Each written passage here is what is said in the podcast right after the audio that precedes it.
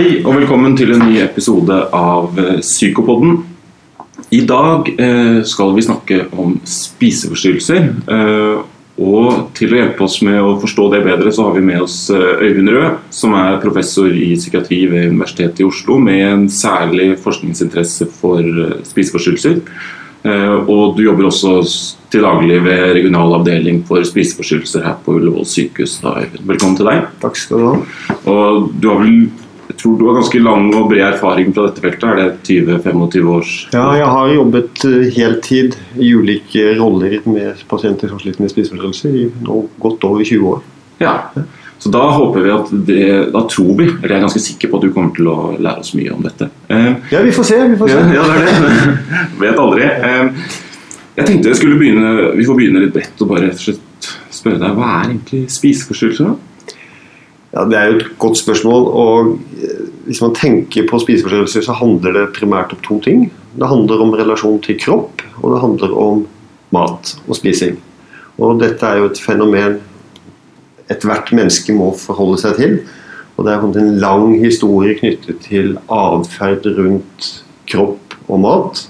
Og I denne forbindelse med sånn spiseforstyrrelser så er det gjerne det man ofte snakker om, er dette disse i middelalderen, disse eh, personene som levde et veldig asketisk liv, og gjerne i en religiøs kontekst hvor de da skulle på en måte, ære Gud på ulike måter og være rene.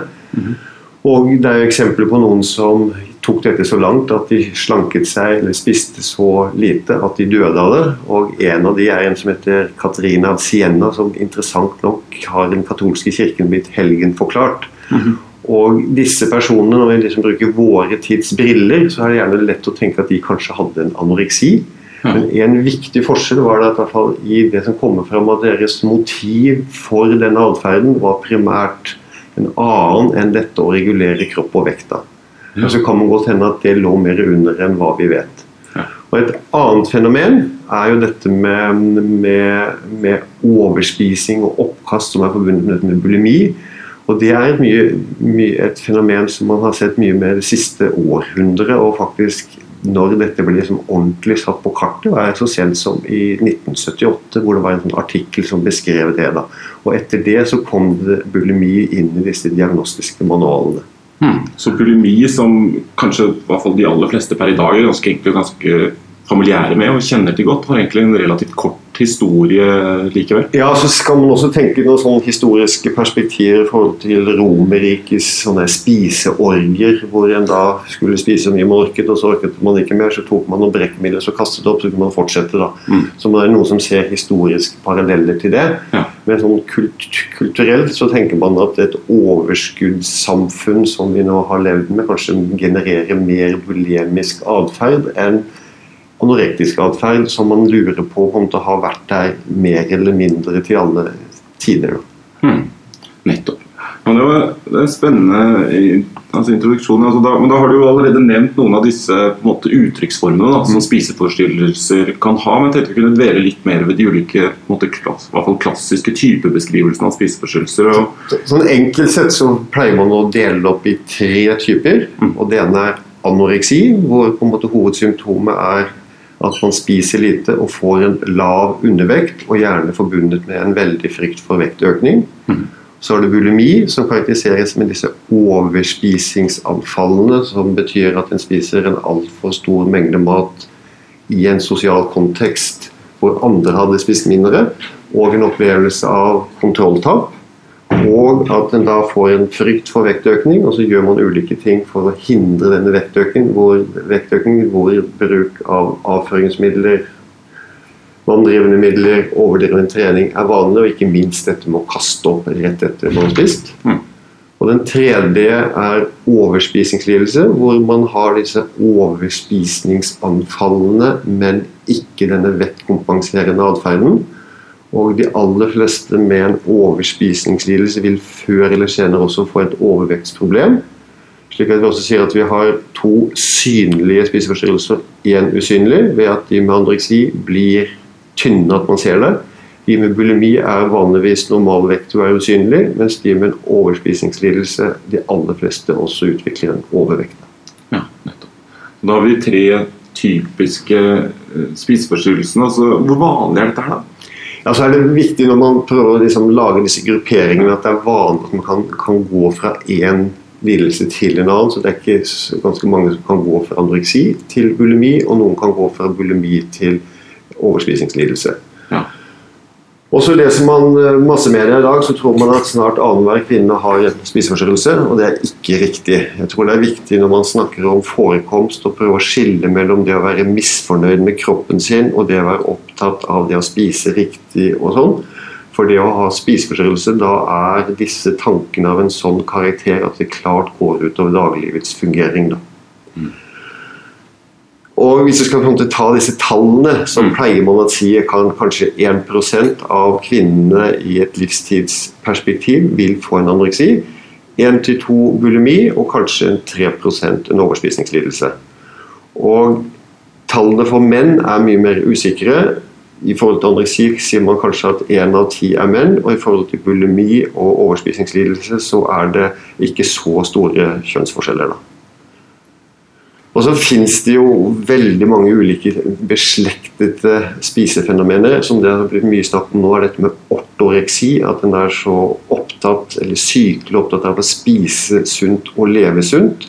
Hvor det handler ofte om et veldig restriktivt regulert spisemønster og mye trening. Det er ingen definert spiseforstyrrelsesdiagnose, men du ser det ofte hos pasienter med spiseforstyrrelse. Så har du dette med megareksi, hvor en er veldig opptatt av kroppsbygging for å få mye muskulatur og leve mye på kostholdsprodukter, og ens selvverdi er veldig sterkt knytta til hvordan kroppen ser ut. Da. Når du sier disse tingene, så blir jeg litt sånn eh, tenkende på hva det er nettopp det kroppsfokuset, da. mm. og at det er sentralt her. Kan du si litt om hvilke tanker man har om hva spiseforstyrrelsens funksjon, eh, eller det fokuset på mat og vekt, da, eh, kan ha for den enkelte som sliter med dette?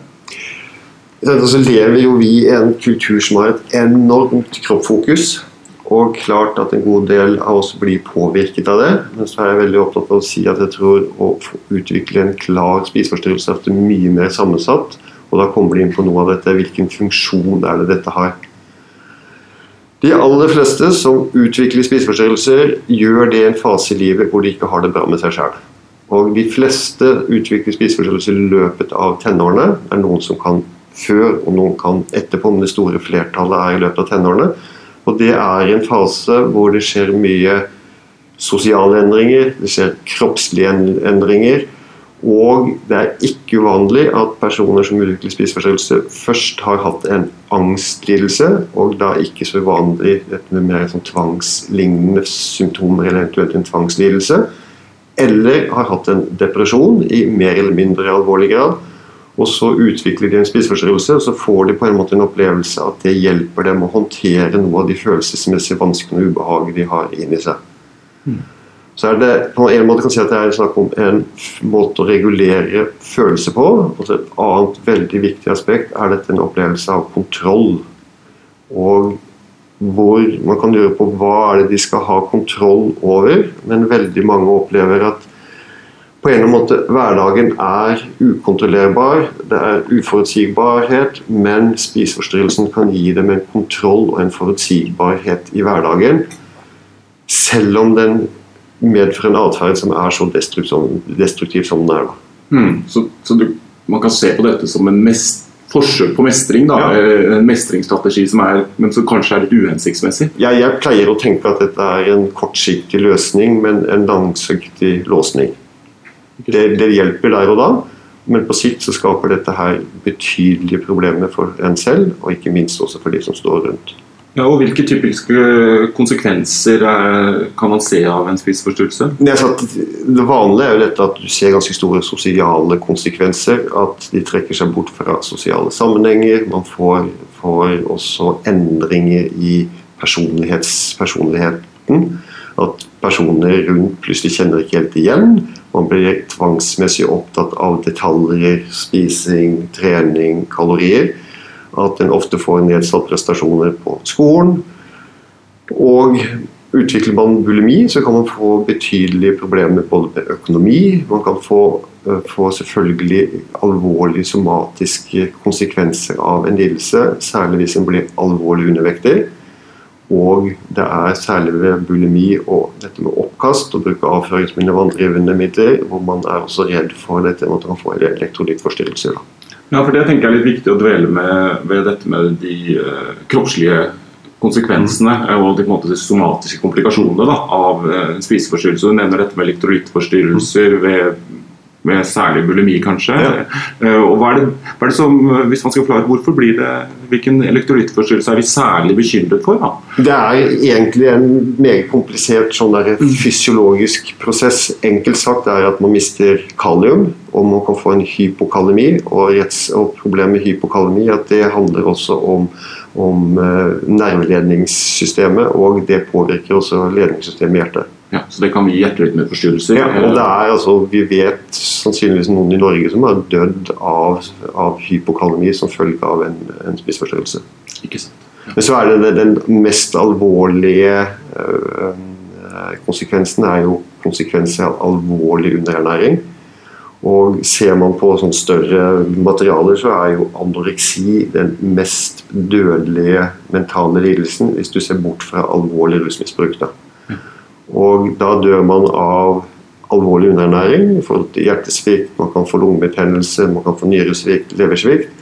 Og så er det en, ja, kanskje en tredjedel av de som dør, også tar på en måte aktivt liv av seg sjøl.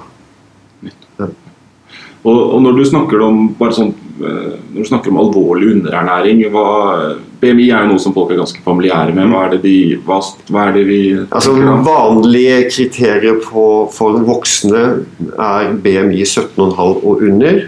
Eh, for å si at man har en anoreksi. Nå diskuterer man ganske heftig hva er den egentlige grensen skal være, men det er det som vi per i dag forholder oss til i Norge. Og så Når det gjelder barn og unge, så funker ikke den der BMI så bra. så Da bruker man gjerne BMI-persentiler, slik at for at uh, man må ta, hensyn til alder og, og, kjønn når man på en måte ser om en ungdom er undervektig eller ikke. Da. Og Da er det egne sånn, grafer hvor man kan se på dette. Ok. Altså da tenker Så når du hvis vi beveger oss litt over mot hvordan man skal hjelpe mennesker med de som sliter med den type problematikk, eh, så sier du jo det at det, spiseforstyrrelsen har ofte en funksjon. Følelsesregulering, eh, blant annet. Eh, og da vil man jo også tenke at det, er, det, kan, det kan være en del motstand mot å gi slipp på den på en måte funksjonen. Hvordan hva tenker du, Hvilke tanker gjør du deg om det, og hva, hvilken utfordring representerer det i, når vi snakker om behandling? Da? Altså Det representerer en kjempestor utfordring. For det første så er det at det er mange som har en spiseforstyrrelse, særlig i første tiden, som på en måte opplever mestringen ved det mye større enn problemene. Som gjør at de ikke opplever at de egentlig har noe problem. Så det er de rundt som blir bekymret. Som på en måte er uttrykk for det vi er veldig opptatt av i behandling ved spiseforstyrrelse, er dette ambivalens. At man både vil og ikke vil. Og noen har ikke helt kommet dit at de faktisk vil. Og dette skaper jo da store utfordringer når du oppsøker en eller altså for behandleren når en pasient kommer hvor ikke er der at den egentlig vil gjøre noe med sin egen situasjon.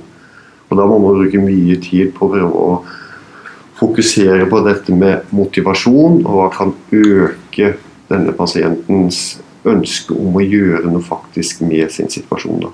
Hvordan, hvis du skulle sagt litt om hvordan man kan utforske det og jobbe med motivasjonen, har du noen sånne Ja, For det første så tror jeg man skal passe seg for å som behandler og hele tiden tenke på at pasienten ikke er motivert. Jeg tenker Det er en del av behandlingen det å prøve å bidra til at pasienten blir motivert.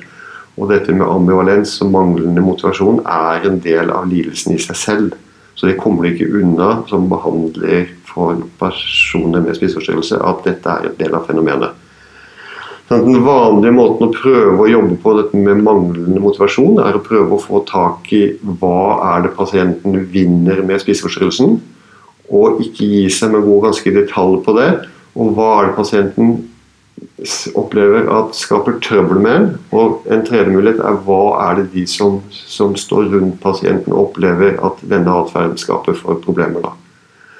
Og bruke en del tid på det, og også prøve å bruke en del tid på hvor er det du ønsker å være om f.eks. et år. Er det slik du ønsker å ha det?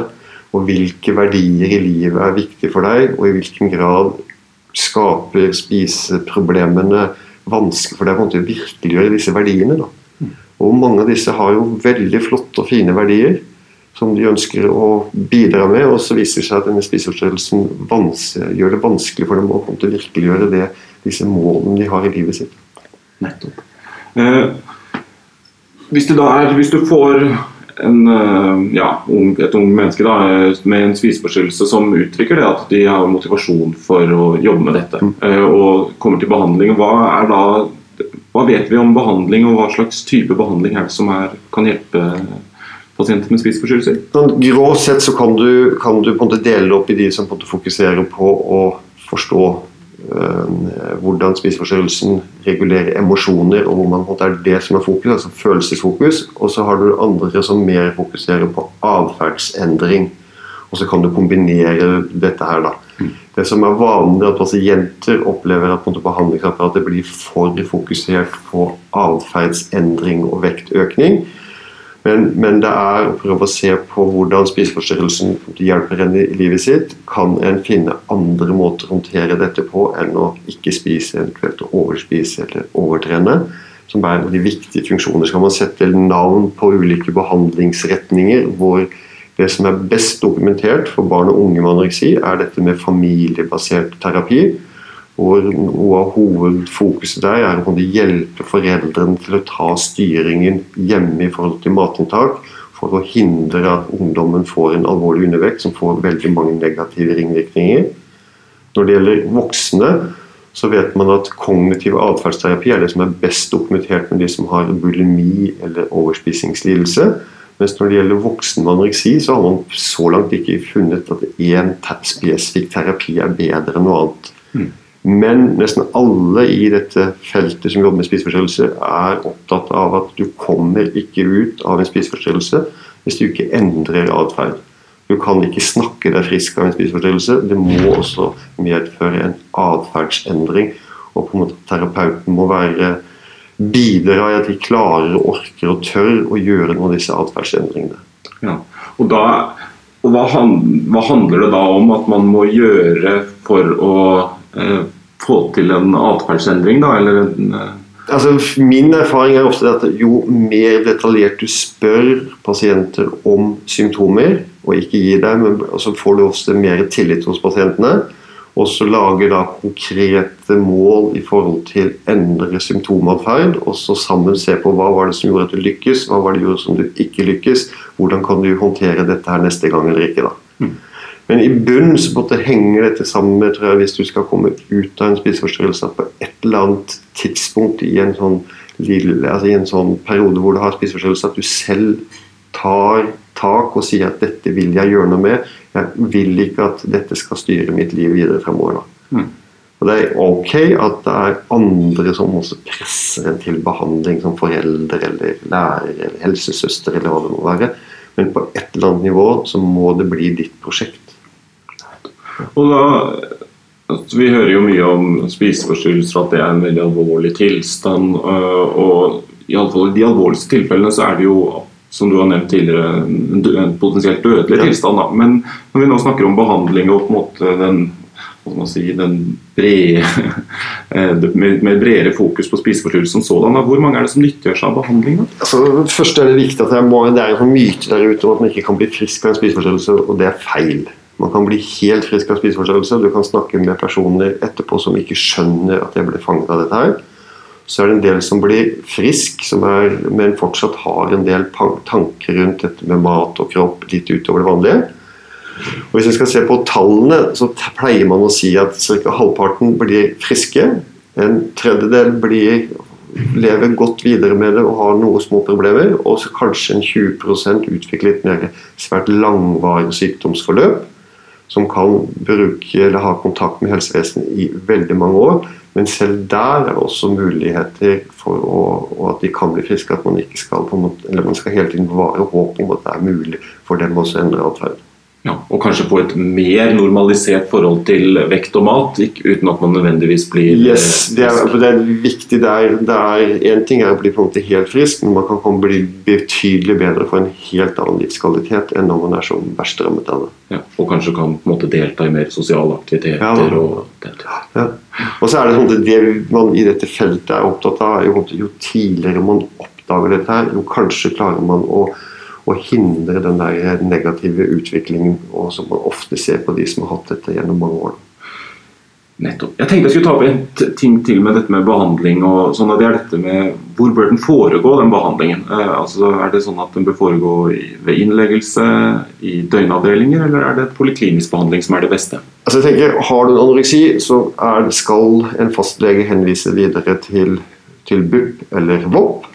Og noen milde form for, for bulimi kan nok også behandles i primærhelsetjenesten. Ellers er primærstedet for behandling er i poliklinisk behandling. Og innleggelse er, er for de som er mest alvorlig syke, hvor man ikke kommer noen vei med strukturert poliklinisk behandling over tid. Og når du snakket om de som, kan, som, er, altså de som blir friske, så er det de aller fleste av de blir det gjennom poliklinisk behandling? Ja da, så, og det er jo ofte slik at de som kommer til sykehuset er så alvorlig syke, og at prognosen for dem er dårligere. da. Og så viser behandling i dette feltet som i de fleste andre felt at når du starter behandling, hvis du klarer å få til endring i starten av behandlingsforløpet, så ser det ut som det går mye bedre enn de som på en måte venter med å gjøre endringene. Ja. Men oppsummert så er det finnes det god behandling der ute, og mange blir eh, friske eller veldig mye bedre av sin spiseforstyrrelse. Og det er viktig å formidle at det, hvis man sliter med dette, så bør man ta kontakt med noen som kan hjelpe. Ja, jeg syns jeg oppsummerte veldig bra. Ja. Ok, jeg tror vi sier at det var, vi har lært ganske mye. Øyvind. Tror det. Ja, vi har lært oss mye. Ja. Og da har vi funnet ut at akkurat i denne episoden av Psykopoden så har vi laget en liten epilog, og det var fordi at det var et tema eh, knyttet til behandling som vi ikke var innom. Og det var medikamenters plass i behandlingen av spiseforstyrrelser. Og jeg vet ikke om du kan si litt om det? Ja, og da tenker jeg Det er viktig å skille mellom to typer medikamenter. Det ene er medikamenter mot de somatiske komplikasjonene, og de har selvfølgelig sin plass. og De kommer jeg ikke til å gå mer inn på her, men det er mer i bruk av psykofarmaka. Og Kort fortalt så er det ingen pille mot spiseforstyrrelser. Eh, Det som er rimelig bra dokumentert, er at personer med bulimi så kan man bruke antidepressiva, og hvor det er ganske gode studier som sier at frekvensen av disse overspisningsanfallene går ned. Problemet med de studiene er at de har vært relativt kortvarige, og det er ganske mange eksempler på at pasienter slutter med å ta de. Men, men det tenker jeg er kortvarig, eller altså en bruk av antidepressiva i forhold til bulimi er det indikasjon for også. Og så er det vanlig at man må bruke litt høyere doser enn ved vanlig depresjonsbehandling. Ved anoreksi så er det ingen pille så langt som man har vist at har effekt for anoreksien. Så det er ingen pille eller psykofarmaka som har indikasjon anoreksi. Men det er en del, eh, del erfaring med at man bruker medikamenter for komobide lidelser. Og man har en del som har erfaring med særlig OCD, at man bruker antidepressiva eller SSRI. Og så er det det som er omdiskutert, men å bruke antipsykotika i lav dose. Og det er særlig ved pasienter som har et veldig tankekjør, et høyt angstnivå. Og klinisk så er det ganske mange gode erfaringer med bruk av lav, altså lav dose med f.eks. Cyprexa, som kan hjelpe pasienten å komme over en litt sånn kritisk fase. Den vitenskapelige dokumentasjonen er ganske mager. Men det er kommet én studie nå som tyder på at bruk av olanzapin eller Cyprexa ved poliklinisk behandling av anoreksi viser en viss fordel i forhold til de som ikke fikk det. Og så tenker jeg at det er ganske mange pasienter med spiseforstyrrelser som står på medisiner over lang tid uten at man har gjort en ordentlig vurdering om dette har hjulpet eller ikke, og hvor jeg da tenker at det er klokt å gjøre et forsøk på å seponere det for å se om disse medikamentene hjelper eller ikke. Ok. Så oppsummert så kan medisiner ha en plass, og særlig ved komorbiditet eh, og kanskje de mest alvorlige anorektiske pasientene. Og da snakker vi mer om i norsk sammenheng vanlig om de som er blitt innlagt, hvor man kan også styre dette her. fordi at Medikamentmetabolismen kan også endre særlig ved alvorlig undervekt. Og da er det ikke nødvendigvis slik at kroppen omsetter medikamentene saktere. Så Derfor kan dette være litt u, altså usikkert hvilken vei, om man får forventet for høy serum, serumnivå eller for lavt. Så det, Derfor er det viktig å kontrollere også serumspeilet på disse medikamentene man bruker. Yes. Og, men hvis vi skulle sagt noe om hva som er primærbehandlingen for spiseforstyrrelse, så er det psykoterapi? er det sånn Ja, sant? Ved undervekt så er det med primærmedisinen er mat og samtalebehandling. Ved bulimi er det primært samtalebehandling. Fint. Da ble jeg enda klokere. Ja, bra. Takk skal du ha.